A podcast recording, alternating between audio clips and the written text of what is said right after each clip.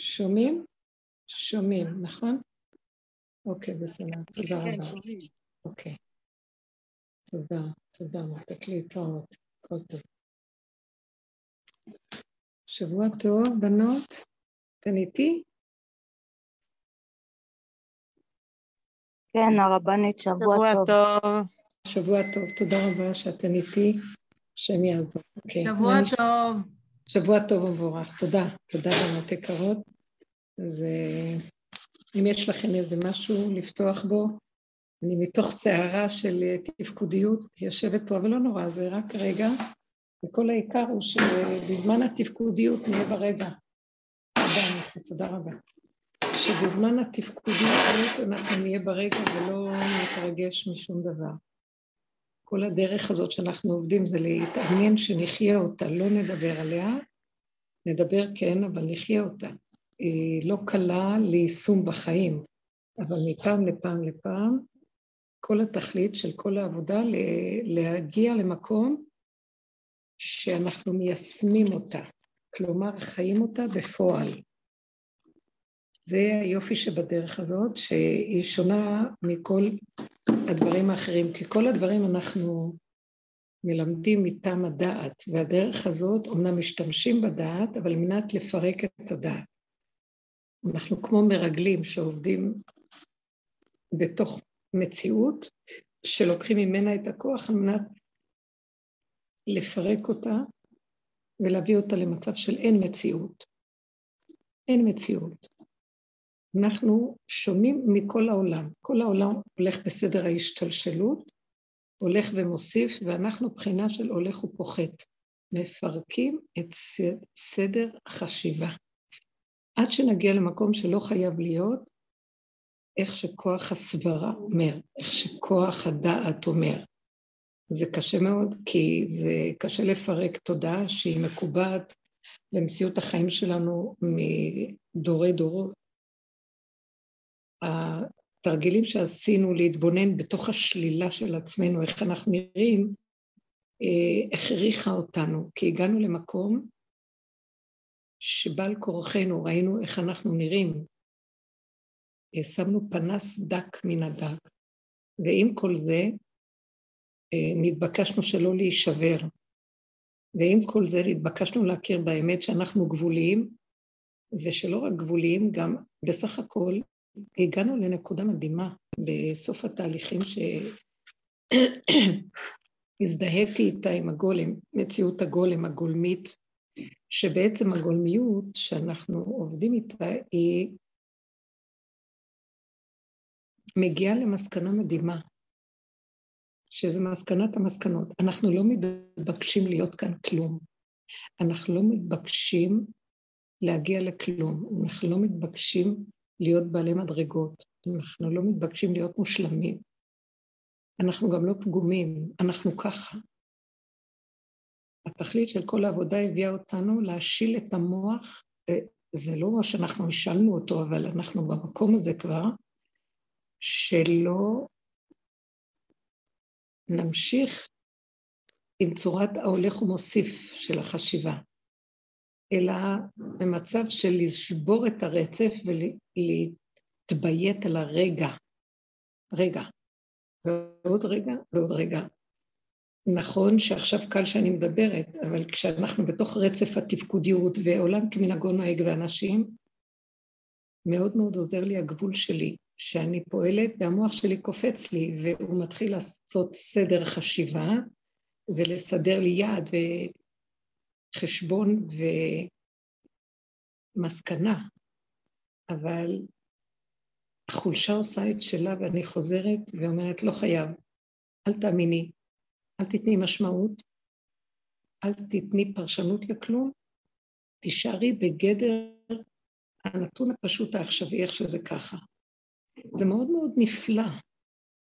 תקשיבו רגע, אני יכולה לשבת, ישבתי עם אחד הבנים שלי ברמה הזאת של הרגע, וניהלנו, הוא ואני, הוא דיבר בעיקר, אבל אני יכולתי להסתכל ולשים לב לדיבור בריכוז מאוד גדול, והוא יכול היה להגיד לי דברים שהם סדר מחשבת העולם, אבל, ואני עניתי, ולא יצאתי מגדר הרגע, זה היה מדהים, אני פשוט נהניתי מזה. כי דיברנו ברובד של שכל פשוט, נתונים פשוטים, בלי דעות ובלי השגות ובלי... ראיתי שהנפש לא קפצה למקום של נצחנות או וכחנות, או... אלא הכל התנהל ברובד שקט, שכלי פשוט. ואז ראיתי שהרגע הזה יכול להיות עם שכל, והרגע הזה יכול להיות עם רגש, והרגע הזה יכול להיות עם פעולה, אבל לא מתמשכת, ואין בה אני, אין בה את המקום של השייכות אה, האישית לכלום, כמו איזה רובד שקט שכלום לא שייך לו פה. וזה דבר גדול. ואז ראיתי שבעצם כשאנחנו מדברים על הרגע, לא הכוונה שנהיה כסילים, שאין להם מוח. הכוונה שלא נהיה עם מוח עץ הדעת, שאותו הגדרנו הרבה, שזה בעצם ההתפעלות, ההתרגשות, ההשתייכות, ה- לקחת את הנתון, לקחת את השכל, לקחת את ההרגש ולהפוך אותו לאישי. אלא כל הזמן מה שכשאנחנו משוללים מהמוח הזה או נוטים לשלול אותו, אז נשארים כל הזמן בגדר של נוטרל, השתוות והתחדשות, ועוד רגע ועוד רגע. מתי שמתחיל להיות איזה תקיעות רגשית או מחשבתית, בדרך כלל זה רגשית, ההתפעלות, אה, אז אני יודעת שהאגו נכנס. אז ישר יש איזה רצון להפסיק, ולא לתת לזה להמשיך. וזה מתחדש ועוד פעם. קל לעקוב אחר ההוראה הזאת, כי אין כוח להכיל את ההתנגדות. וזה דבר גדול מאוד ודבר חדש. כלומר, אנחנו נשארים בעולם כמנהגו נוהג, אבל סדר החשיבה, המדוזה של עץ הדעת, העמלק שאחוז בדעת, שזה עץ הדעת, העמלק, כי הדעת, אה, יש דעת עליונה, הדעת היא, היא בריאה חשובה בפני עצמה, אבל שהיא דעת נוטרלית, דעת לא מגמתית, היא לא אה, אינטרסנטית, היא לא אחוזה, והיא בפני עצמה מציאות שקיימת בבריאה, שנותנת לנו נתון ונותנת לנו הערה, שכל. אבל אסור לנו לגנוב את זה ולעשות לו לופ, עיגול ושייכות. ולשחרר ועוד פעם ולשחרר, ואנחנו מוצאים את עצמנו עושים פעולות, ועוזרים ונותנים למה שאנחנו יכולים, אבל בלי אחיזה. כל פעם שבא לי איזו אחיזה, איזה הרגש, איזה שייכות, אז אני ישר יכולה לראות שיכול להתלבש על זה קנאה, צרות עין גאווה, צער, כעס, אה, חוסר נוחות. ישר זה לא זה. אז לעצור, וזהו. לעצור, לא שייך לכלום, לא שלי כאן כלום, לחזור ליחידה של הרגע ולהתחדש איתה, וזה מה יש. ויותר מזה אין כלום. ככה אני רוצה לחיות. וההתייחסות היא יפה, ומאוד מאוד הריכוזיות, הצמצום הזה והנקודתיות הזאת והחזרה כל הזמן, זה מאפשר לחזור כל הזמן לרגע. זה איפה ששם יכול להתחיל להיכנס אור חדש. האור החדש הוא התעבות של אותו כלי וירידה יותר גדולה של שכל, שכל יותר גדול, שיכולים לראות דברים נוספים ממה שאנחנו מסוגלים בסדר הטבעי שלנו. חושים נפתחים יותר, האור של השכל נהיה יותר גדול, ואפשר להכיר דברים ברמה אחרת. אבל אנחנו מכינים את הכלים. זה יסוד הגולם שמתחיל להיכנס בו הערה. זה מצוין, זה יופי, זה קו האמצע, זה ריכוזיות, זה נוטרליות, זה התחדשות, וזה לא שייך לי פה כלום.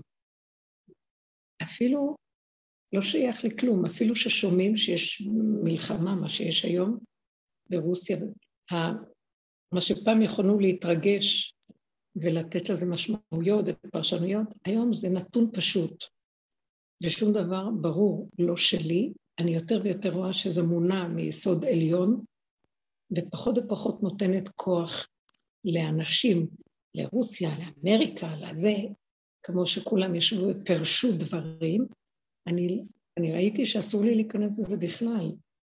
ועצרתי לרגע ואמרתי, אבל דבר אחד אנחנו שוכחים, שיש משהו שמכוון את כל הסיפור הזה ומנהל אותו. זה תחילת, ברמה הכללית של רשות הרבים, שהעולמית, תחיית מחיית עמלק הגדולה שהשם עתיד לעשות בעולמו.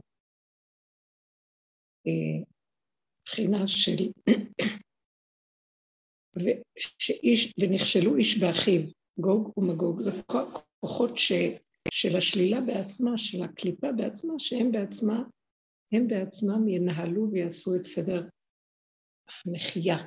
זה, זה, זה השם משתמש בהם, זה לא הם, לא מציאות, וזה חוכמתו יתברך, שאיך הוא מנצל את מציאות הבריאה, לעשות מה שעל פי שכל זה לא מסתבר. זה, אני לא רוצה להיכנס בזה, כאילו לזה אני מתכוונת, רק יותר ויותר אנחנו רואים ששום דבר כאן לא שייך לנו, גם הפוליטיקה בארץ, גם המציאות הקיימת. מי שנכנס בדרך הזאת ומתחיל להתנקט מהתנקות ונכנס ליסוד הגולם, להתנקות ממנגנון עץ הדת ולהיכנס ליסוד הגולמי שבו יותר ויותר, הוא לא מרגיש שייכות לכלום. זה לא שלנו פה כלום. יש מקום שהכלי הריק יכול להכיל את היסוד האלוקי, ואז הוא, שמה יש חיבור ליסוד האלוקי ושותפות עם האלוקי.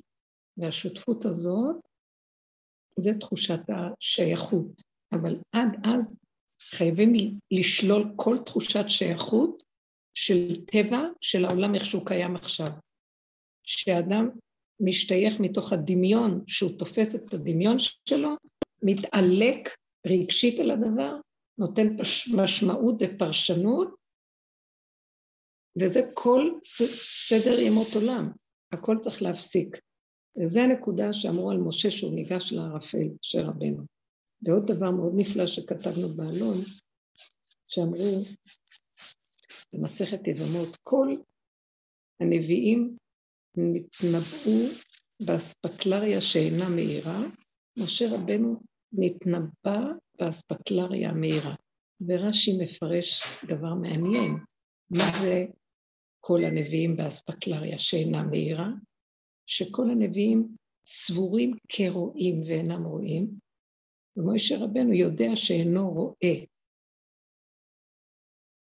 שמתם לב? אז אם הוא אינו רואה איזה אספקלריה מאירה יש לו, אז שימו לב לדגש, הם סוברים שהם רואים, אז הם רואים מצד שכלו של האדם, ויסוד הציור והדמיון שיש לאדם, אמנם אצלם זה דמיון נקי, אבל גם הדמיון הנקי הזה הוא עדיין בגדר ציור של, של יסוד הבריאה והעולמות פה. ואילו משה רבנו גם את זה שלל, ומשה ניגש אל האפל. הוא הסכים להיות כל הזמן במצב שהוא ניגש מתוך ערפול, לא יודע ולא מבין ולא שייך לו כלום. זה דבר שקשה להבין את זה.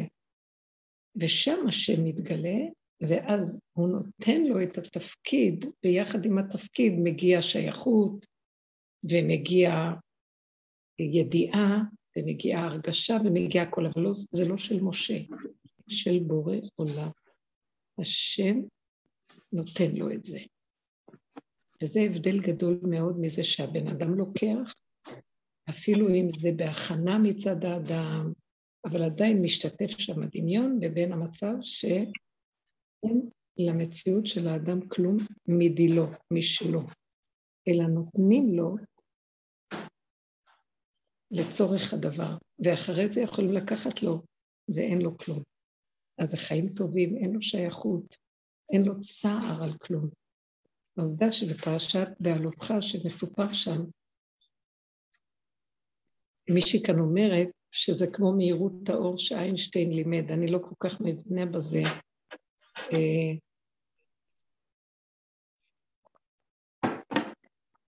בכל אופן, בפרשת בעלותך, שהשם, שמשה רבנו מאציל על שבעים הזקנים מהאור שלו, ואז התחילו שבעים הזקנים להתנבא, והיו במחנה אלדד ומידד שהתנבאו, ואז יהושע שכינה למשה, שואלו, הוא הנביא, מה פתאום שאחרים יתנבאו?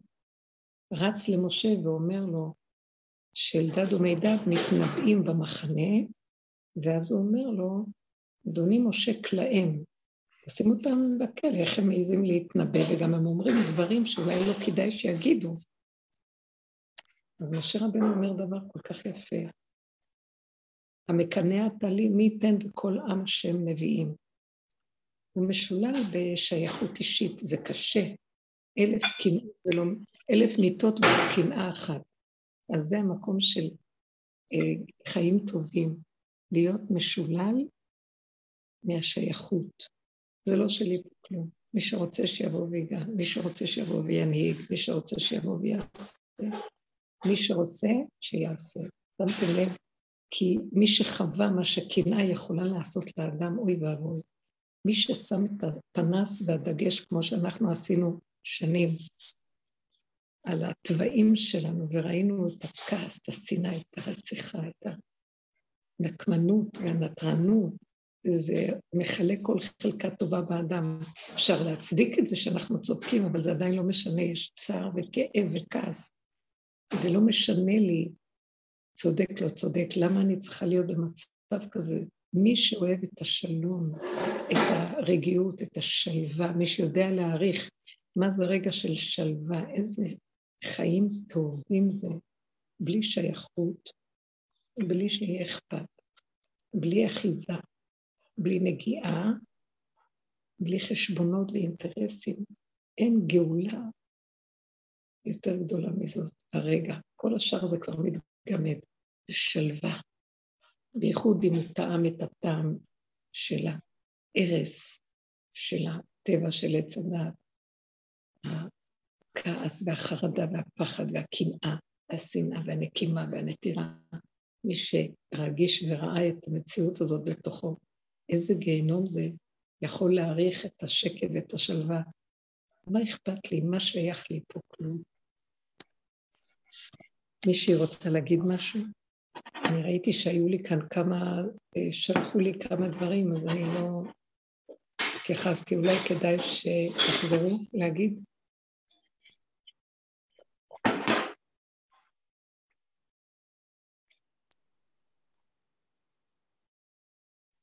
את שומעת אותי?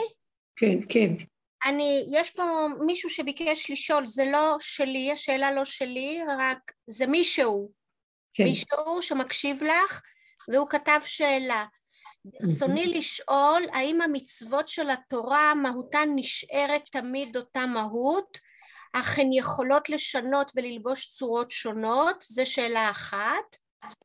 והשאלה השנייה היא, האם אפשר לקבל תרגיל להתבוננות ברגע הזה? שכשאת אמרת, דיברת בהתחלה על הרגע הזה, איך את רואה ישר רק את הרגע הזה וזה מה יש. אמ, אם אותו אחד אה, רוצה להמשיך לשאול, אז הוא מוזמן לכתוב. טוב, אז. לחזור, לחזור, הוא לא רוצה כן. לדבר. נתחיל, נתחיל מה, מה, מהשאלה השנייה. כל אה. ההתבוננות של הרגע, איך להיות ברגע, זה כאשר אנחנו, זה תהליכים שעברנו. התהליכים שעברנו זה ש... אה, אנחנו לא עושים מתוך המוח תרגיל להיות ברגע, זה מאוד מאוד קשה, כי המוח הוא מנגנון שקשה מאוד להשתלט עליו. הוא אה, יסד את הארץ על מכוניה בל תימות לעולם ועד. זה מכונה שקשה מאוד לשנות את הסדר שלה. אנחנו אחוזים במוח שראשו בזנבו והוא מסתובב והוא לא נגמר, רגע ועוד רגע, ומשנייה אחת הדעת מוסכת לרגע הבא, וכל גירוי שבא מכל מיני כיוונים, ישר אנחנו נותנים לו ממשות. אבל הדרך שעבדנו בה, וזה לא לעכשיו, אני לא יכולה להסביר לאדם הזה, כדאי שהוא יסתכל אולי בשיעורים הראשונים, הרבה שיעורים קודמים, יש ממש של הרבה שנים שהם מופיעים באתר, שאני זוכרת שהיינו עושים הרבה תרגילים להתבונן ולראות איך שהמוח שלנו פועל, לשים עליו פנס ולראות את הדפוסים שלו, אה, איך שהוא דן את השני ושופט, ואיך הוא מבקר, ואיך, אם לא את השני, אז את עצמו. וכששמנו את זה יותר טוב שנבקר את עצמנו ולא את השני, שמנו דגש, כל אחד התחיל להכיר מי הוא, אם הוא טיפוס שלילי או חיובי. אז אם הוא חיובי, אז יש לו ישות חזקה, אז הוא דן את השני, ואם לא, אז הוא טיפוס מופנם שחושב שלילה גם על השני, אבל גם על עצמו, וכל הזמן נמצא במרירות פנימית.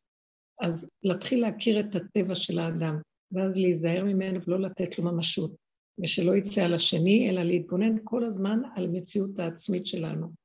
ומפעם לפעם לפעם המוח הזה, על ידי ההתבוננות ששמים בו פנס בחורים ובסדקים, הוא מתחיל להתאדות. המנגנון של עץ הדת הוא דמיון, הוא דמיון שהתקבע ושאנחנו מפרנסים אותו אה, בתרבות של החיים ומאמינים לו ומתייחסים לפי איך שהוא אה, מתקבע ואיך הוא חושב ואיך שהוא מפרש, וכשאנחנו עושים הפסקות לרצף הזה, ועוד פעם ועוד פעם ועוד פעם, אז לאט לאט מתקטנים, נהיים תשושים וחלשים והמנגנון נהיה חלש איתנו, ואז יש מקום מאוד נפלא שם של אה, הרצון להתמעט ולהתקטן ולהישאר ברגע בצמצום הגולמי.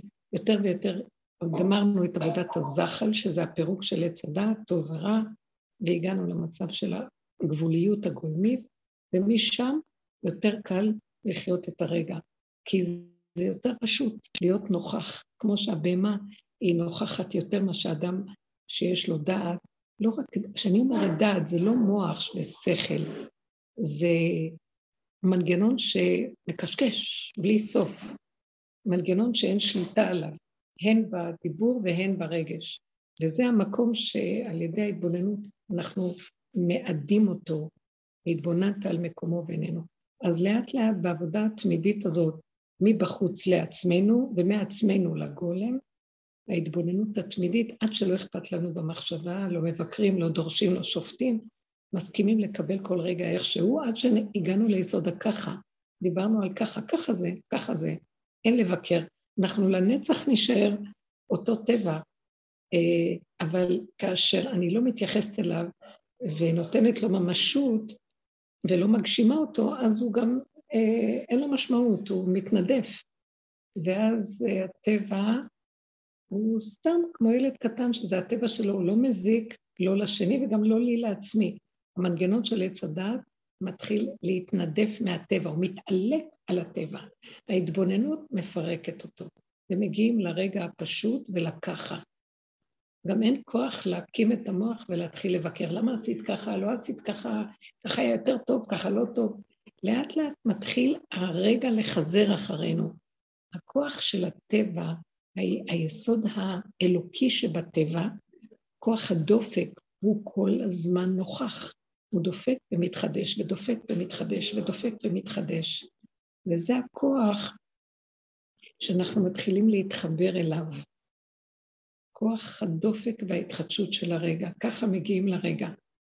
שישמע את שאר השיעורים אה, שדיברנו, את השיעורים הקודמים, רות, את יכולה לכוון אותו בעזרת השם. אני, השאל... אה, אה, אני לא מכירה אותו, רק עשיתי את הטובה הזאת כשהוא לא פתח מיקרופון. אמ, אמ, בכל אופן הוא שומע אותך להערכתי, אם הוא ירצה הוא יגיב ואז אני, אם, לא, אם יהיו לו עוד שאלות אז שהוא לא הבין אז אני אהיה מוכנה לקרוא בשבילו. אוקיי. לגבי, השאלה, לגבי השאלה הראשונה, נחזור לראשונה. את זוכרת אותה? בעזרת השם. השאלה... אני יכולה לקרוא לך שוב אם את רוצה. לגבי המהות של המצוות, אם הן משתנות כתוצאה מהדרך, אז... הוא לא כותב על הדרך, הוא כותב ברצוני לשאול האם המצוות של התורה מהותן נשארת תמיד אותה מהות, אך הן יכולות לשנות וללבוש צורות שונות. אני לא מבינה כל כך את השאלה. זה מה שאני, עכשיו אני אסביר. הוא התכוון לומר שהמצוות משתנות. האם הן משתנות במהות שלהן? ובכן, ברור, יש כאן איזו נקודה שנבין. השורש של המצוות הוא עליון, והוא שייך ליסוד האמת, לתורה הקדומה, שהיא בעצם האקסיומה הראשונית של כל דבר, החוק הראשוני, שעל ידי חטא עץ הדעת, שבירת הלוחות, חטא עץ הדעת, שבירה בגן העדן לפני קבלת התורה כמובן, ואחר כך שבירת הלוחות, נוצר מצב שיש הרבה, יש הרבה ריבוי, ריבוי המצווה היסודית ושורשה נתרפתה, ונהיו הרבה מצוות, הרבה. עכשיו, אז המהות של המצווה בעצם נשארת, אבל היא ביסודה צמצום אחד גדול פנימי. וכשהיא יורדת לפה, לעולם הזה, בגלל שזה עולם עץ הדעת ששולט פה, עולם הריבוי, רשות הרבים, אז גם המהות של המצווה משתנה בהתאם. ואז אנחנו פוגשים הרבה מצוות. אה, הלוחות הראשונים היו עשרת הדיברות כמו השניים, אבל בשניים כבר היה הרבה ריבוי והרבה פירוש והרבה משמעות והרבה חוקים ודינים.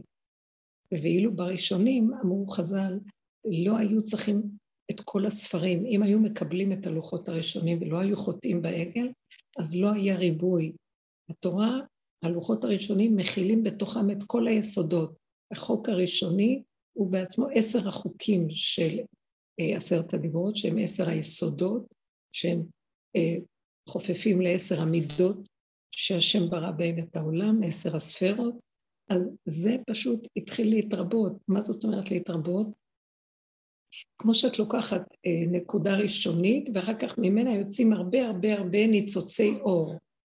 תני לה מכה אחת, ואז ממנה מתפזרים הרבה ניצוצים של אורות, והם מתפצלים ונהיים קומבינות שונות ודבר בתוך דבר, ואז משתנה אה, המהות של הדבר, אבל היא נשארת ביסודה אותו דבר, רק עם ריבוי והתפזרות. לכן החכמים כל הזמן לוקחים לנו את הריבוי הזה ומבררים ומנפים ומחזירים את זה כל הזמן לבדוק למה זה שייך, למה זה לא שייך, כמו ל"ט מלאכות שאנחנו, ותולדות שיש לכל מלאכה עוד ל"ט תולדות וכן עוד תולדות. זה ההתפצלות שמאטום אחד נהיה הרבה ריבוי. אז במהות שלו זה אותו דבר, אבל זה משתנה ומתרבה ומתלכלך גם. יש סביב מצווה, יכול להיות אינטרסים, יכול להיות דעות, יש הרבה פרשנות ומשמעות, יש ידוע שיש מה שנקרא שיטות, אה, מהן המצוות של התורה. יש אה, כמה ספרים שלשיטתם אלה תרי"ג המצוות, ואחרים משנים את התרי"ג ומכניסים מצוות שנראה להם אחרות, לא כמו שהאלה. זה אותו, אותה תורה, אבל הם סוברים שהמצווה היא שונה ממה שאלה סוברים, שזה זה. כלומר, הם מחפשים מהכתוב ציווי אחר, ואלו סוברים שזה הציווי ממה שכתוב. אז יש כמה שיטות, ספר החינוך, יש אה, ספר המצוות הקצר, יש אה, אה, מצוות על פי חפץ חיים, סדר המצוות על פי חפץ חיים, יש מצוות של הרמב"ם, יש כמה שיטות לגבי, כמובן שכולם פחות או יותר סוברים שזה פחות או יותר אותן מצוות, אבל יש שינויים בספרי מה שהם מכנים מצוות, מה, מה המצוות בעצם, תרי"ג המצוות. אה, אז המהות הפנימית היא יסודית עליונה והיא צמצום של חוק, חוקים יותר מצומצמים ומרוכזים. כשהם יורדים לפה זה נהיה תרי"ג, זה נהיה הרבה, והיסוד של זה בסופו של דבר חוזר לשם אחד ושמו אחד. זהו, אני לא יכולה להרחיב הרבה על זה, אבל העבודה שלנו היא להחזיר את הכל לאחדות. אנחנו לוקחים את הריבוי, זאת כל העבודה שלנו שהיא שונה מכל העבודות של כל אה, השיעורים והלימודים של התורה בכל העולם, וכל הדורות, וכל אה, העולם הולך ומוסיף, הולך ומפרש, הולך ומפרק אה, כדי להוסיף עוד, ואילו אנחנו עושים אחורה פנה ויורדים ומפרקים. זה כמו תהליך ההיריון שהולך ומוסיף, ותהליך הלידה עצמה הולך ומפרק עד שמאפשר לגילוי חדש שלא היה בזמן ההיריון, זה היציאה של הוולד החוצה. עד אז זה רק הולך ומוסיף בהתפתחות של העובר, וכשמגיע זמן הלידה הכל מתהפך ומשתלשל לכיוון מטה. והריבוי, ריבוי הימים, ריבוי החודשים, ריבוי ההתפתחויות, ריבוי הפרטים, הכל הופך להיות לרגע אחד חזק שבו יש שינוי גדול, היציאה הכללית, כל הריבוי הופך להיות דמות וצלם של אדם אחד, אחדות. וזה מה שאנחנו עושים בעבודה שלנו, אנחנו מפרקים את הריבוי, מפרקים שיטות, מפרקים דעות, מפרקים הבנות, מפרקים השגות, מפרקים רגשות, מפרקים פעולות ותפקודיות ונשארים עם המינימום ההכרחי. אנחנו יודעים בדרך הזאת שאנחנו לא מרגישים כמעט את הפעולות שלנו. אני עושה דברים, אני לא, לא, לא ייתכן, אני אומרת לעצמי שזה אני עשיתי. אה, נכנסתי ביום חמישי, ביום חמישי הייתי באיזה מצב שחזרתי בסביבות אחת מהמקום הזה, שאני לא בכלל שייכת למציאות של אה, בישול והבית וכל זה. אה, בשעות הראשונות לא היה שייך כלום, גם לא בימים, זה מעט מאוד, אבל יום חמישי הוא מתרכז שצריך להיכנס, לעשות סדר בבית, קניות, בישולים, זה כדי לאפשר אה, לארח את המשפחה וכן הלאה. ואמרתי לעצמי, מאיפה נמצא את הכוח בכלל להיכנס בתוך המצב הזה? אה, אין לי כוח לכלום, לא, לא מוכנה אה, להיכנס. הפח, הבית יש בו המון תפקודיות, המון פעולות, המון עבודה, בחוץ הרבה יותר קל. אה, בכל אופן אמרתי לעצמי לא לחשוב, התפללתי להשם וביקשתי ואמרתי אל תיתן לי לחשוב ואל תיתן לי להתרחב במוח. אני לבד ולא הייתה לי עזרה ואני, אין מה לעשות. ואני לא יודעת, עברו הרבה שעות, והלכתי לישון אחר כך מאוחר, לא יודעת מי עשה את הקניות, מי סחב, מי הביא, מי הכין, מי סידר, מי ניקה, מי... לא, לא, לא ברור לי, ממש לא. לא, לא הייתה לי תחושה של עשייה. המוח היה מרוכז ברגע והידיים פועלות. וככה הזמן עבר ואני לא הרגשתי אותו בכלל. זה היה, אה, זו חוויה שקשה לתאר אותה, וזהו, ונגמר.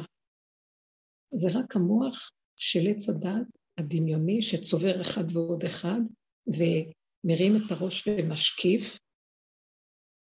כוח המשקיף של עץ הדת הוא מסוכן, הוא המן הרשע על עץ חמישי ממש שמשקיף, והוא צובע את הרגש וצובע, הוא מחליש, רפו ידיהם, מרפה את הידיים, מרפה את המציאות של הגוף, ולא רוצה לעשות כלום.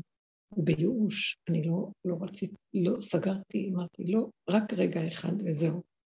וככה ככה אנחנו מתקרבים גם לפסח עם כל העבודות של פסח, ואותו דבר, כל מציאות החיים, זה רק רגע וזהו. וגם זה לא אנחנו פועלים, מישהו דרכנו פועל, חבל על הזמן. האדם לא מציאות בכלל, אין לו קיום, יש לו גולם הגוף, והשם יצר את הגולם הזה, עפר מן האדמה, ויפח בו נשמת חיים. הנשמה הזאת שאנחנו נושמים כל רגע, והדופק שדופק, משם נכנס כוח כזה, אם אני מזיזה את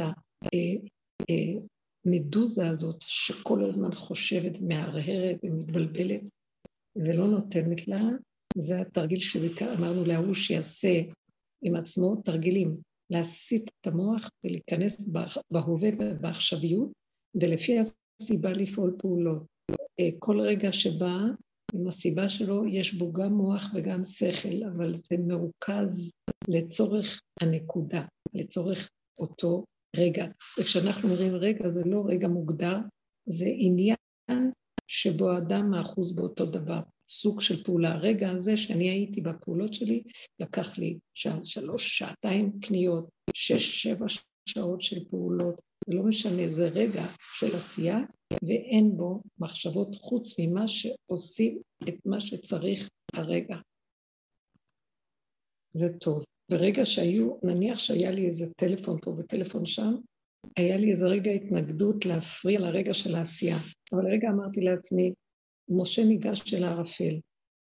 ואז זה מאוד עזר לי להביא את המוח לערפול עם דעה והרגשה. כי כבר הייתי אחוזה בסדר, והיה לי חבל להפר את הרצף. אבל אמרתי, לא. הסיבה באה, תרימי. תעשי, ואחרי זה תחזרי לרגע. תהיי כל הזמן בפנים, בגדר משה ניגש אל הערפל. תהיי בערפול שהסיבה מובילה, והסיבה תוביל לך את הכוח לכל דבר. וגם אל תפחדי שאת תאבדי את הרצף, כי גם זה לא שלך. שחררי, שחררי, שחררי. וראיתי שזה מאוד עזר. כן. הוא מודה לך. תודה. הוא כותב תודה רבה לרבנית. כן. תודה רבה, הרבנית, הרבנית, הרבנית, כן. נו, חסר לי לא להגיד רבנית. לא, ככה הוא כתב לי, להגיד לך. תודה, תודה רות יקרה שלנו, אהובה. תודה רבה רבה. לבריאות. כן. מה נשאל עוד? יש לכם עוד משהו להגיד? מי שרוצה להצטרף ולהגיד? כן.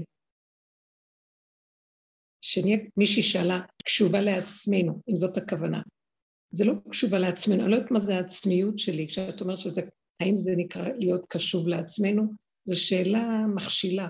אני לא יודעת מה זה עצמנו, אני לא יודעת מה זה עצמיות כבר. הכל, המילים האלה, תדעו לכם, משקרות כבר, כי ישר יש בהן משמעות ופרשנות. לא יודעת, אני לא יודעת כלום, אני לא יודעת, לא יודעת להגיד מה זה עצמיות. המון מילים הגדרנו ולקחנו ודיברנו והפכנו אותם ושפת עץ הדעת אצלנו היא שפה ברורה, היא שפה שהיא עשירה ויש בה הרבה יכולת להגדיר ולפרש ולסובב ולהביא מילים שונות. ופה אנחנו מגיעים למקום של, אני לא יודעת להגדיר מה זה עצמיות. אני יכולה להגיד לכם שאני יותר יותר מרגישה את הלא, לא, אני לא, אני לא יודעת, לא מבינה, לא. ופלא פלאים שבתוך זה הוא יכול לתת לי רגע של אה, שכל אנליטי ויכולת ריכוז והבנה והצגה, אבל רק רגע. כל המקומות האלה הם בסדר. מוח עץ הדת זה הריבוי, שהוא לוקח את הרגע הראשוני ועושה ממנו הרבה, ואז הסיפור מתחיל להשתנות. יש כבר סיפור וכבר מתחיל להיות משמעות אחרת. זה הסכנה, ואותו דבר גם רגש, אותו דבר רגע אחד, אה, אני מרגישה עכשיו שזה הזמן של מחיית עמלק, כמובן זו התקופה תמיד בשנה, אבל עכשיו זה מרגיש לי שיש כאן השתתפות לא מצד האדם, אין לי שום כוח לעשות שום פעולות ושום מחייה, שום עבודות עצמיות ולא כלום. והיה לי איזה, משהו נדלק לי מאיזה פעולה של מישהו, או דיבור, או אה, מין אה, משהו שכאילו היה ביקורת מופנית, ככה היה נראה לי, כלפיי, אפילו לא בדיבור, זה היה באיזה תנועה, ולרגע נדלק לי איזה משהו של אה, רגע שלילי. ואז אחרי רגע אמרתי לעצמי, תיזהרי לך, תיזהרי לך, תזהרי לך, אה, לא להתרחב עם זה, זה שקר. אין שני, אין שלישי, אין מי שאמר, לא אמר, כן עשה, לא עשה, כלום שום דבר, לא קשור שום דבר. והרמתי את הכאב שהיה לי, שנדלק לי כל כך מהר, הכאב הזה זה עמלק. ההשתייכות, ההשתייכות לדבר. אמרו לי, פגעו בי, חושבים עליי שלילה, הכל. לקחתי את הדבר הזה שגנב ועשה עצמיות של עץ הדעת, ואמרתי, אין אף אחד כאן. אין אף אחד, לא קיים כלום, אני לא קיימת השני שעשה תנועה כזאת או אחרת, לא קיים, כלום לא קיים, כלום לא קיים, אין כלום. הרמתי את זה לבורונה ואמרתי, אבל תעזור לי, אל תיתן לעמלק הזה להתפשט, אל תיתן לכוח הדורסני הזה, העצמי הזה, שמתמסכן, ורגע אחד הוא כל כך מסכן, ורגע אחר הוא כל כך אכזרי, להתנקם בזה שעשה לו כך או כך. תרחם עליי ותפרק את כל זה, רק אתה חי וקיים, אין אף אחד, אין אף אחד. אני כל כך מתחננת לפניך. אני רוצה להיות במקום של אין אף אחד, אין כלום, אין אף אחד. אין דמויות, אין עולם, אין משמעות, אין פרשנות, יש רגע. תסיר ממני את הסיפור הזה, אני לא... שימו לב, דבר כל כך קטן ופשוט, זה היה אולי עניין של שלוש דקות.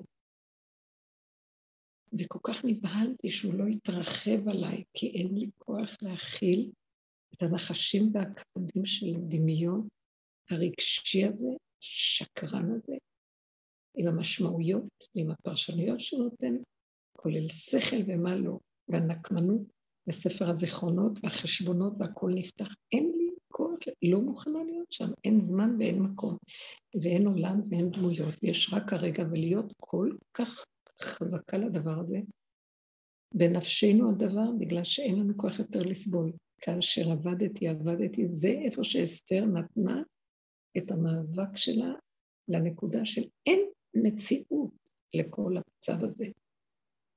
אין כלום, יש רק להיות דבקים בנקודת הרגע ולהעלות אותה לשורשה. זה המקום שהרגשתי, שהתרפאתי אחרי כמה, חמש, שבע דקות, הכל נעלם, לא היה שום דבר והכל היה בסדר, אין מציאות לעולם.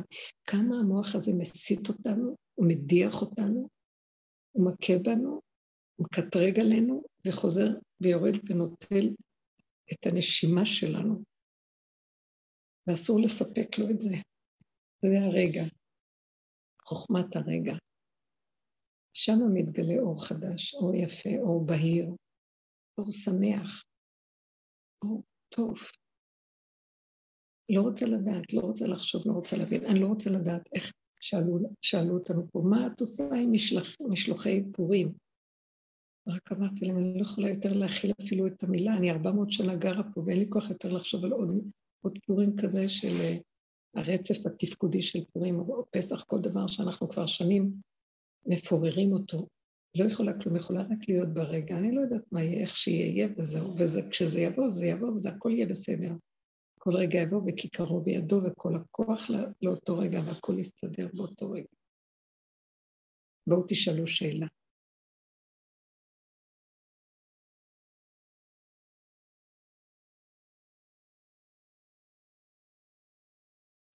תדעו לכם שהטבע לא ישתנה, עץ הדת לא משתנה, אבל אם לא ניתן לו כוח, הוא ייפול. הוא, זה נקרא מחיית עמלק. עכשיו, אנחנו מבקשים מהשם הרחמים שלא ייתן לנו לתת ממשות למוח. זה מה שאנחנו צריכים לעשות.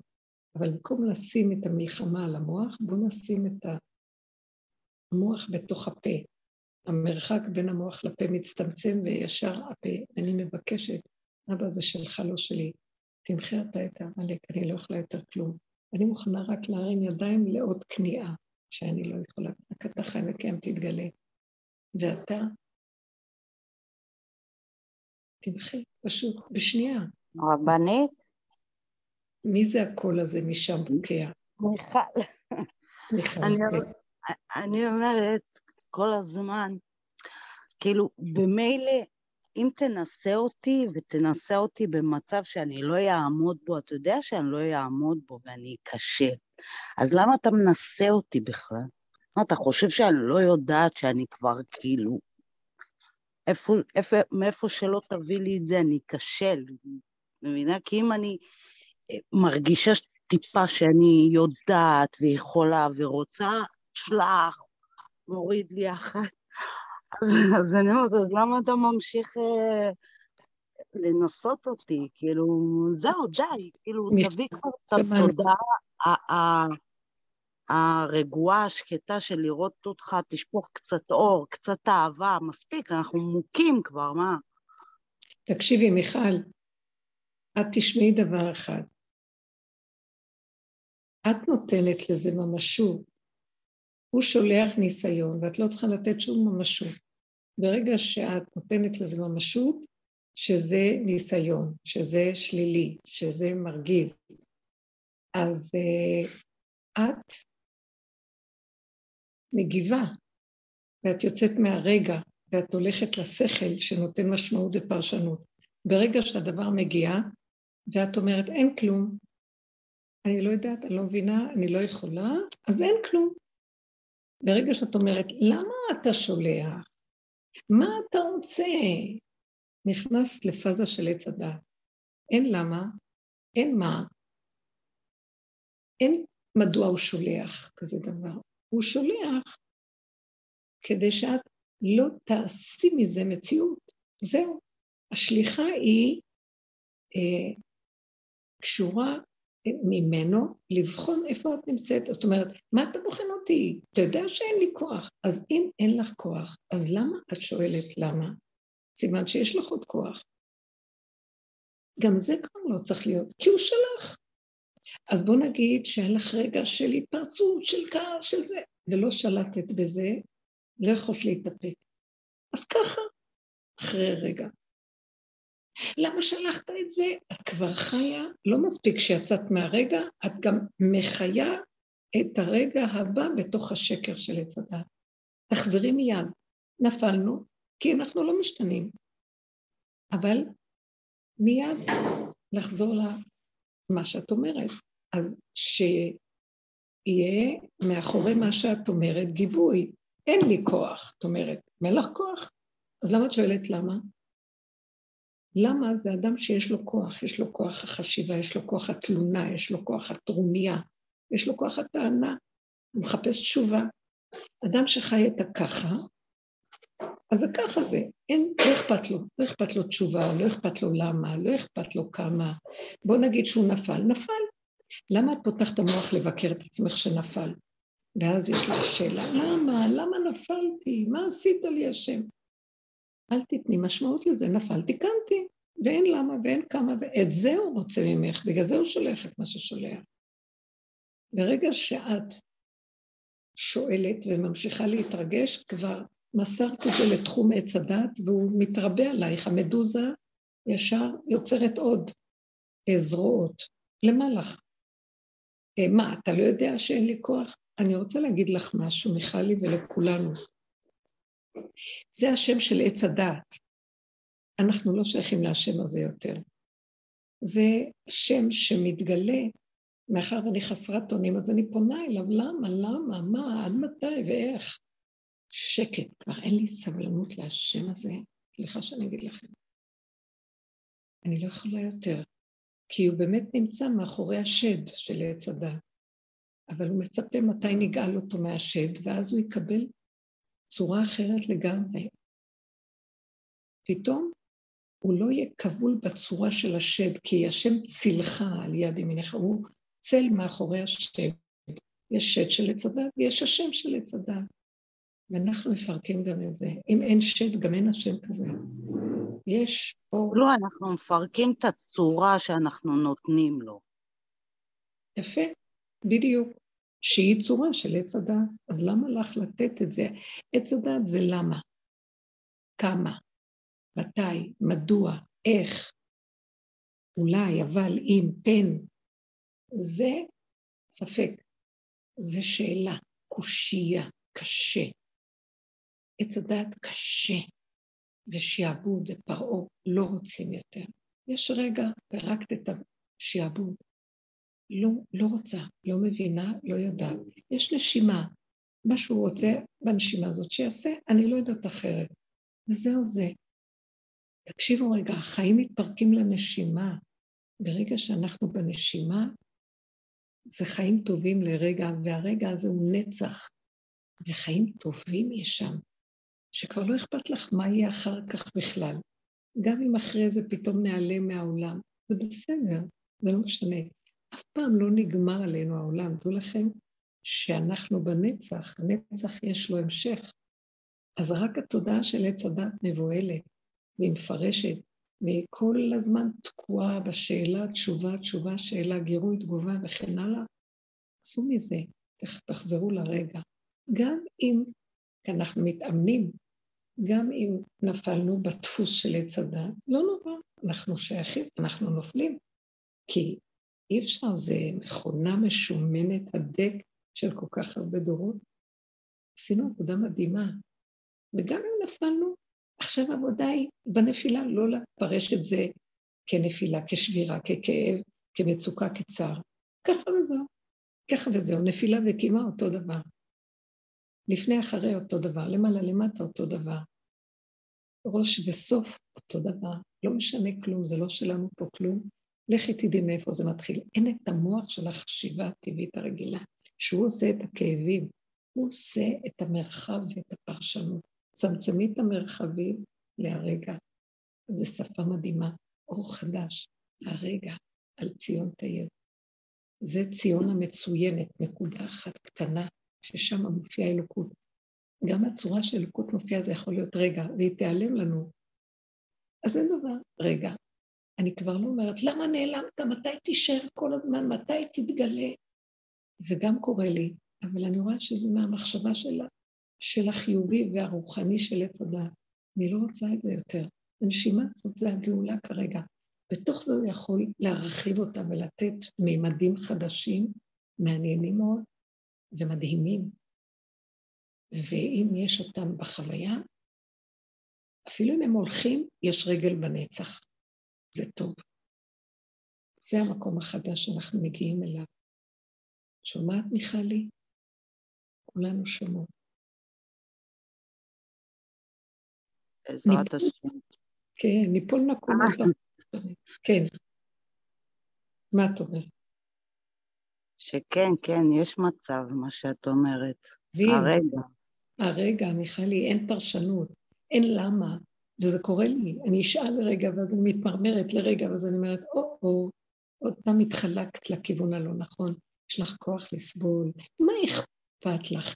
תשתמשי במילה הזאת. מה אכפת לך, אני אומרת לעצמי? ככה או ככה.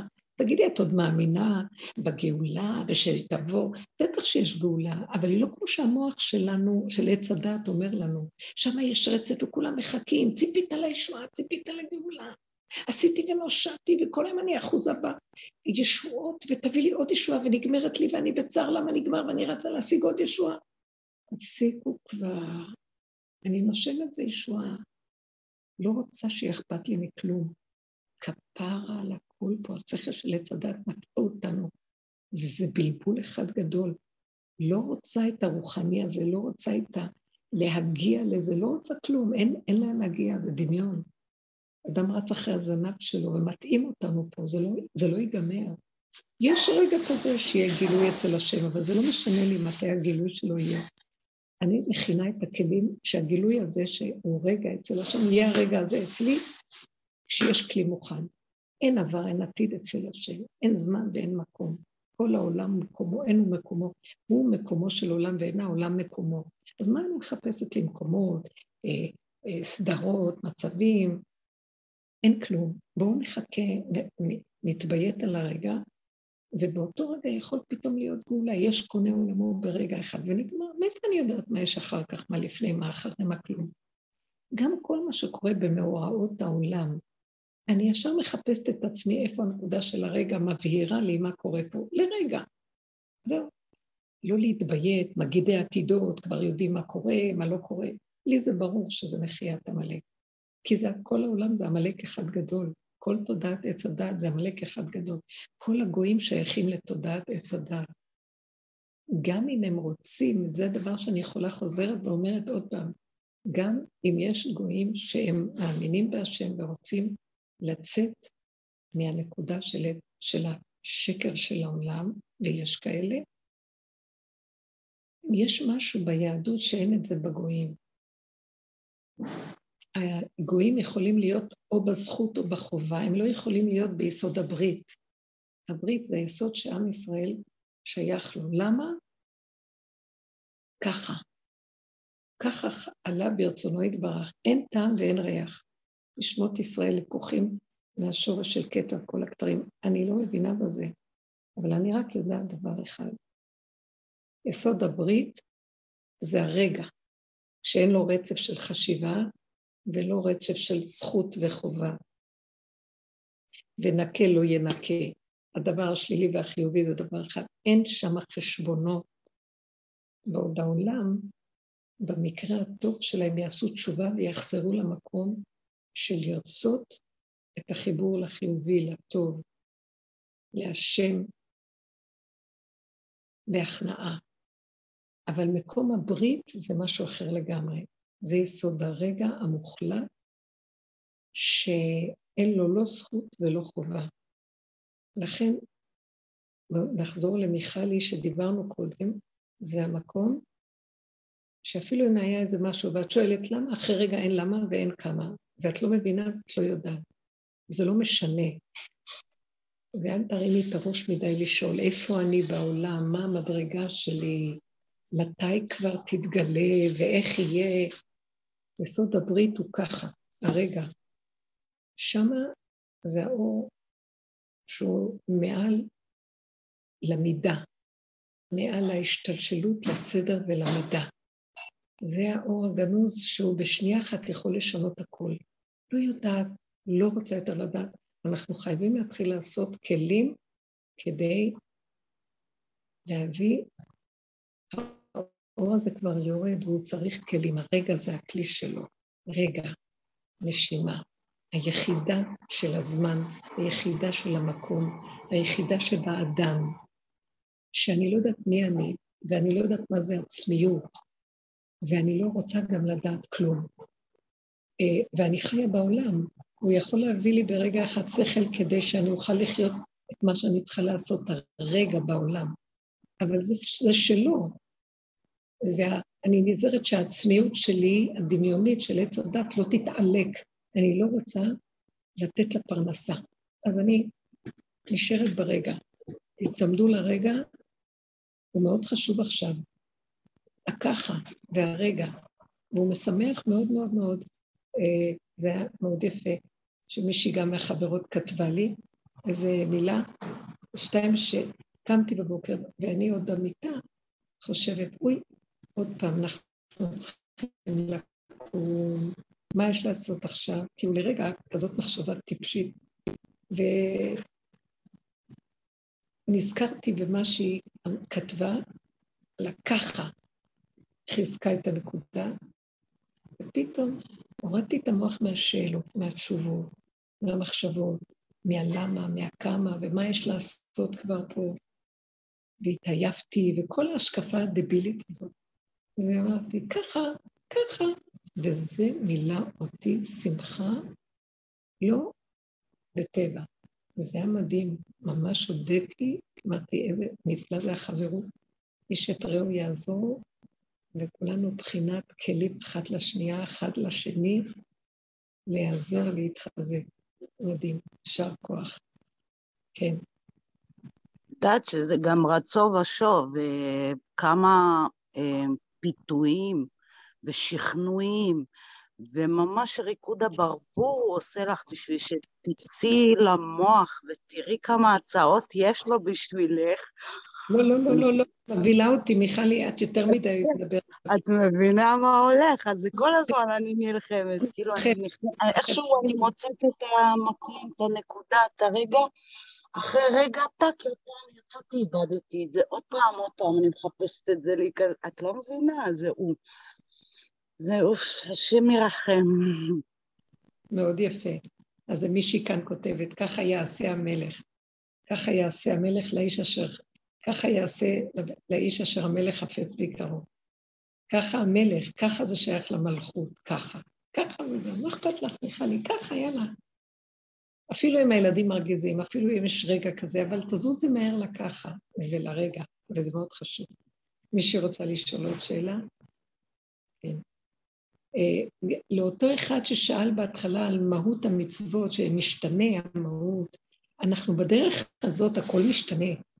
זה דרך מדהימה, המצוות השתנו לי. קודם כל, בעבודה שהתבוננו בעץ הדת ובשקר שלו, הרבה אחיזות, הרבה דמיונות על המצוות, על ההרגשים, על הרוחניות שאני דבוקה בה, נפלו לי מהמצוות.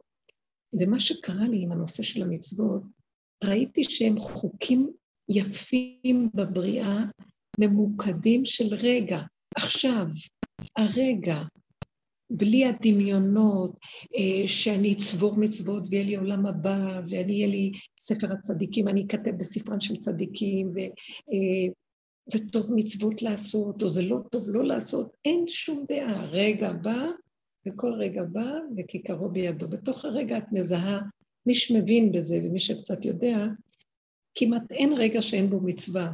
מי שמכיר את המצוות, אם זה מצווה של חסד בין אדם לחברו, אם זה מצווה בין אדם למקום, יש הרבה מצוות תעשה או מצוות לא תעשה. כל רגע בא עם משהו, מי שמבין יכול לתת לזה את השם, גם אם לא תיתנו את השם. כל החוק, כל הבריאה היא חוקיות, היא מצוות, כל הבריאה היא חוקים של השם. למה אנחנו קוראים להם מצוות? מאז שחטאנו בעץ הדת צריך לצוות עלינו לקיים את החוקים.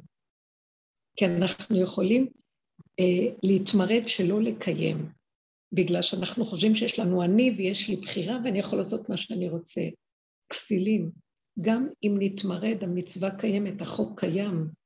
אני עושה אותה במילא. הרבה חילונים עושים מצוות, הם לא יודעים אפילו שהם עושים. כי זה חוק בבריאה. יש מצווה ונשמרתם לנפשותיכם, יש מצווה עזוב תעזוב עמו. הרבה אנשים עוזרים אחד לשני ולא יודעים שזה מצווה. אה, יש מצווה, אה, כן, יש מצוות בשב ואל תעשה, ואנשים אומרים, אני לא רוצה לעשות יושבים. וזה שהם יושבים ולא מקלקלים, כבר הם עושים מצווה, שהם לא הרסו את העולם. יש המון דברים יפים בתוך זה. פשוט אין את השכל של התורה שקורא לזה בצורה הזאת הזאת. אבל כל העולם, כל הבריאה, כל הבריאה מלאה חוקיות של מצוות, אבל למה הם נקראים מצוות? כי אחרי חטא עץ הדת צריך לכפות עלינו לקיים, בגלל שאנחנו חושבים שאנחנו יכולים שלא. אז מי שמקבל על עצמו את חוק התורה, הוא, הוא נכנע לסדר של החשיבה של עץ הדת. אבל באמת, באמת, כמה שאדם מתמרד, מי שואל אותו אם הוא יעשה או לא יעשה?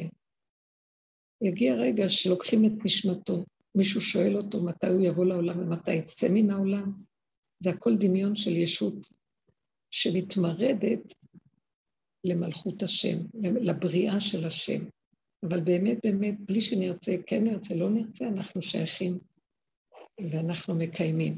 לכן המהות של המצוות היא, הצורה שלה משתנה, חטא עץ הדת הוריד אה, שם הרבה דמיון על כל דבר, וישות עצמית שמתעלקת ומרבה. אני פועל, אני עושה, אני יודע, אני מבין, השני לא טוב וכן הלאה. אה, או אני אתמרד, אני לא, אף אחד לא יגיד לי מה לעשות, ואני יודע מה אני עושה וכן כל השאר. זה לא משנה חיובי שלילי. המצב שלנו בעבודה הזאת משתנה, ואז אני רואה שאני מכווננת לבריאה, ואני מקיים בלי שאני ארצה, הרבה דברים קורים ברגע אחד ובאים לקראתי כל מיני מעשים וכל מיני מצוות וכל מיני מצבים שהם חקוקים בבריאה. אז מה שאני רואה שקרה לי זה שנהיה מדויק, קטן, בלי דמיונות, בלי ישות, בלי התעלקות. תורת השם תמימה. אה, זה המצוות של השם. נכון, זה בצלם אלוהים ברא, אז כולם יש להם את זה, לא תרצח זה לא תרצח, בכולנו יש את זה, כולנו רוצים את זה.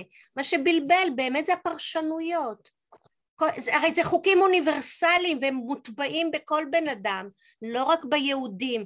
תיכנסי לאולם של מיליון אנשים ותשאלי מי רוצה לרצוח, מי רוצה לגנוב, מי... אף אחד לא רוצה. והפרשנויות שלנו והחישובי חשבונות הביאו לנקימה ולנטירה. בבסיס כולנו בצלם אלוהים. נכון. אבל מה, שק... מה שקרה בעם ישראל זה שהם הסכימו להיכנס בתיקון של עץ הדעת, ואז הם קיבלו את המערכת של אה, החוקים שהם מפורשים בצורת עץ הדעת כדי להילחם עם עץ הדעת. זו שיטה שהאומות לא רצו לקבל עליהם, כי הם סברו שבמילא יש חוקים בבריאה, אבל בלי לקבל עליהם עול, כמו שאת אומרת עכשיו. העול הוא שנכון שאנחנו יודעים שיש חוקים, אבל ברגע אחד הנחה של עץ הדת גם יעשה, יבוא להסיט אותנו לעשות דבר נגד החוקים של הבריאה. זה מה שהתורה מזהירה אותנו ונותנת לנו אה, שיטה בצורת אה, תוכנית שנוכל להיות מודעים לסכנה של עץ הדעת, שהוא גונב את חוקות הבריאה ומקלקל. עובדה שאנחנו מקלקלים את הבריאה שלנו אם אין לנו מודעות נכונה. אבל אנחנו עשינו דבר נוסף, עם כל הקיום ועם הכל, ירדנו גם לא מהקיום של המצוות, ירדנו מהישות העצמית שגונבת את המצוות וגונבת את הכל, ומתרחבת ומרבה ומכניסה לתוך המצווה הרבה היבטים שלא נצרכים, כמו קפדנות וחרדתיות ובהלה, או גאות וגדלות וחשיבות וכן הלאה. זה העבודה שלנו הורידה, אבל השאירה אותנו אה, מחובר, מחוברים, גם עץ המוח של עץ הדת של התורה נופל לנו, ואנחנו מתחילים להתחבר למוח הכללי של הבריאה, חוקות הבריאה בניקיון. לכן אמרתי שאני עייפה מהשם של עץ הדעת. ובסך הכל אה, אנחנו מתחילים להתחבר לאור של הגאולה, ארי חנפין, האור שהוא מטיב אה, בלי יסוד הברית, מטיב בלי חשבון, כי אנחנו משילים את העול של חשבונות רבים. הרבנית, ש, שלא תטעי, כי אני נמצאת הרבה עם האור הזה שאת מדברת עליו, שאת יכולה לשבת על הספה ופשוט ליהנות מכלום. פשוט לשבת, ל... לא לחשוב, לא לרצות, לא נכון. פשוט להיעלם, להתמוגג לתוך הרגע. כן. מבינה? אבל אה, רגע אחר כך, לא יודעת, בא איזה משהו, ובגלל זה אני אומרת שלא ישלח לי ניסיונות.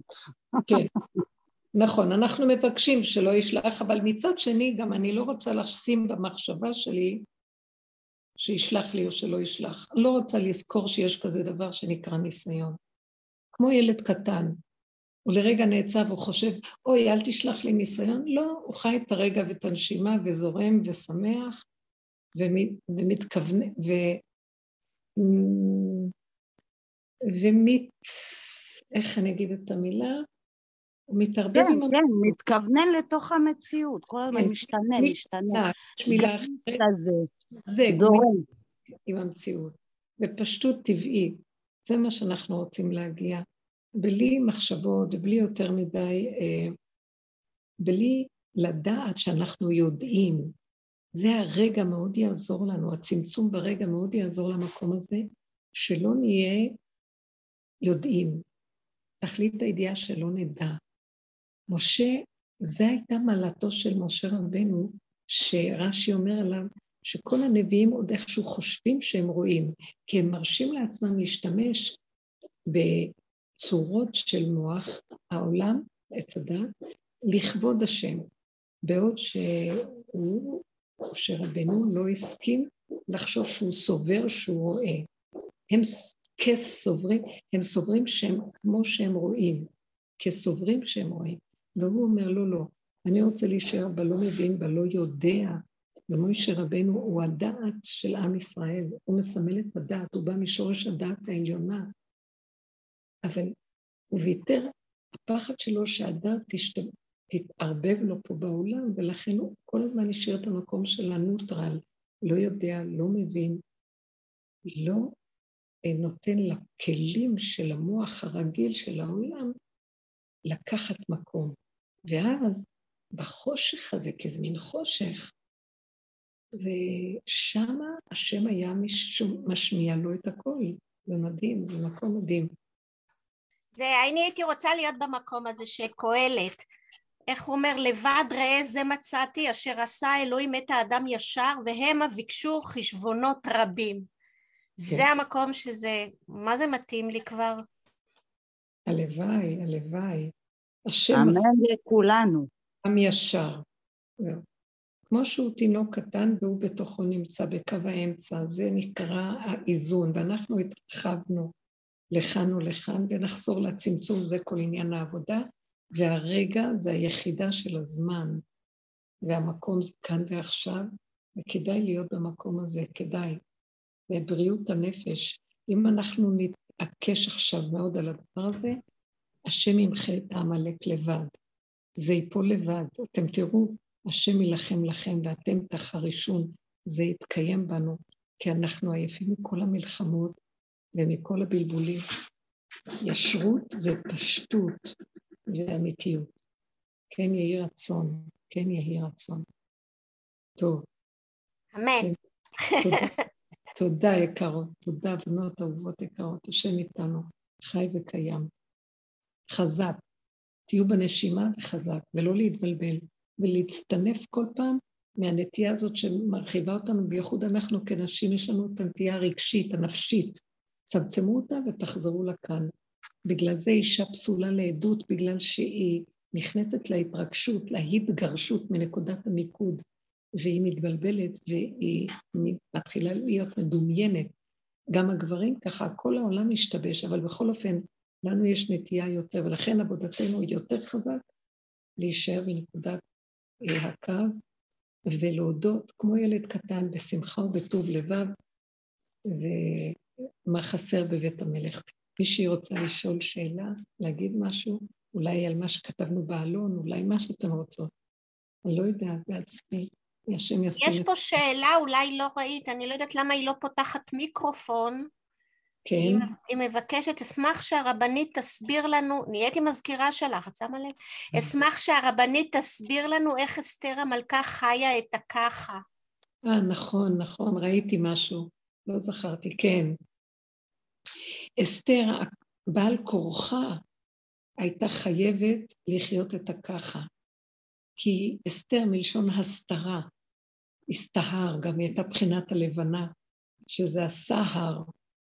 אה, היא הייתה במצב שלא היה לה הרבה ברירות ואפשרויות, אה, לא היה לה סביבה שיכלה להתרחב עליה, קהילה, משפחה, חברים. היא הייתה בבדידות מאוד מאוד גדולה, במקום שהוא סותר את המהות היהודית שלה. והיא לא סתם השם שם אותה שם, היה לה את הכוחות להיות במקום הזה. כתוב שמבני בניה של רחל, עמלק נופל בידיהם, עשיו נופל בידיהם וגם עמלק, שהם יעשו את המחיה. והיא הייתה משבט אה, בנימין, כן? אה, איש יהודי היה ושמו אה, מרדכי בן יאיר בן שמעי בן קיש אה, בנימין. זאת אומרת שהוא באיזשהו מקום, הכוח הזה שיש לה זה כוח ההתאכזרות להתרחבות. אז היא קיבלה את הצמצום שהייתה בו, ושם היא התחברה כל הזמן בחושך הזה להשם, לא מבינה, לא יודעת אפילו לא זכרה את הימים של השבוע. אי אפשר להיות במקום כזה, וזה כאילו תוהו ובוהו, היא ניגשה לתוהו ובוהו של בית אחשורוש, לעומת הסדר של העולם היהודי, שזה שישה סדרים מבוררים ומסודרים, מה נכון, מה לא נכון, אה, טמא, טהור, מותר, אסור, כאשר פסול, זכאי, חייב, כל הסדרים האלה התבלבלו לה, היא לא יכולה שם כלום לזהות, ואז היא שמה לה שבע נערות שקרא להם בימות א', ב', ג', ד', שהיא תדע מתי זה שבת. עד כדי כך, המקום הזה שלא לדעת, החשיכה הזאת של לא לדעת, היא לא יודעת מה היא הייתה. היא לא יודעת אם היא תיגש למלך, אם לא יוציא אותה להורג. זה לא פשוט. החוקיות הקשה של המציאות הזאת, של התוהו ובוהו בחצר אחשורוש, שזה קריזות, תוהו, אין לך סדר, יכול להשתגע ברגע אחד ולהוציא להורג את מי שהוא רוצה, אף פעם אי אפשר לדעת. והמקום הזה השאיר אותה חזקה בנשימה וברגע, שזה היה נחמה שרק ממנה היא, משם היא המשיכה לחיות, לא היה יכולת לחיות רק במקום הזה, באמת באמת. וזה המקום שהציל אותה.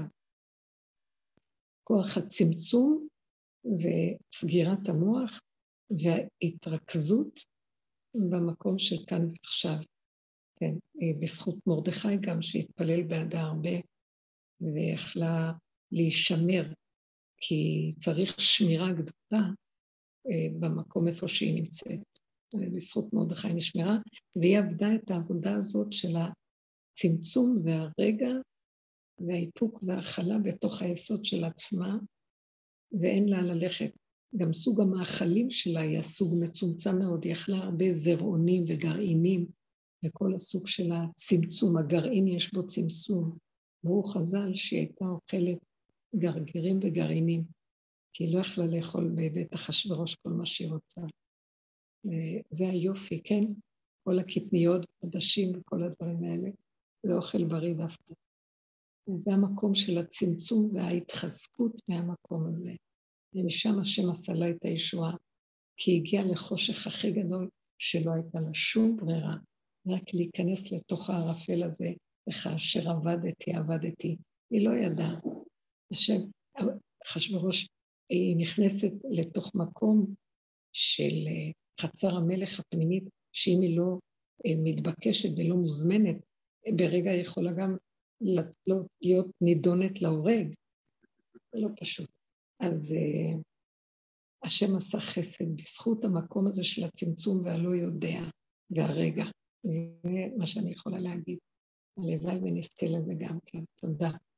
יש לכם עוד משהו לשאול או משהו להגיד? עכשיו פורים עוד מעט, תדעו לכם, אחרי המחיית עמלק של הפעם יהיה שמחה גדולה, ואור חדש גדול יתגלה בתוך זה, שאנחנו גם אמרנו שלא מחפשים אותו, אבל אה, נראה שזה הולך לקראת תקופה כזאת של אה, אה, פירוק אה, קורי עכביש שהתלבשו על תרבות העולה, על העולם, ומקשים עלינו. אנחנו לא יכולים יותר להכיל אותם. אי, אי אפשר להאמין יותר בכלום, ואי אפשר להיות שייכים כבר גם לכלום. זה רק להיות נאמנים לנשימה ולרגע ולמה שהשם מביא לנו בתוך אותו רגע. הרצף של המחשבה במוח, אה, שזה שייך לי, זה סדר וכל זה מתחיל ליפול. רק מה שבא לקראתי, הרגע הזה, הרצון האלוקי, זה יפה. חזק, חזק ונתחזק. שם השם גם יחבר אותנו לכל מה שיש בסדר במילא, אבל זה לא יבוא שאני מחוברת דרך הסדר של המוח. אני מפרקת את סדר המוח, אם זה משפחתיות, אם זה זוגיות, ילדים, כל דבר, לא לקבע את זה בסדר, והשם יחבר אותנו ממילא ויסדר לנו את סדרי העולם, לא מאיתנו. אנחנו ניתן אה, נאמנות לחוק הרגע והצמצום, ושם הוא יעשה את שלו. תודה רבה לכם, שבוע טוב, נחת רוח ישועות. תודה רבה, שבוע אמן, טוב. אמן, תודה לך, שבוע טוב. תודה רבה, שבוע טוב. שבוע טוב. ששמחה, הרגע, הרגע יש בו התחדשות ושמחה פשוטה תמימה. תודה רבה לנו. תודה. תודה. תודה לכם.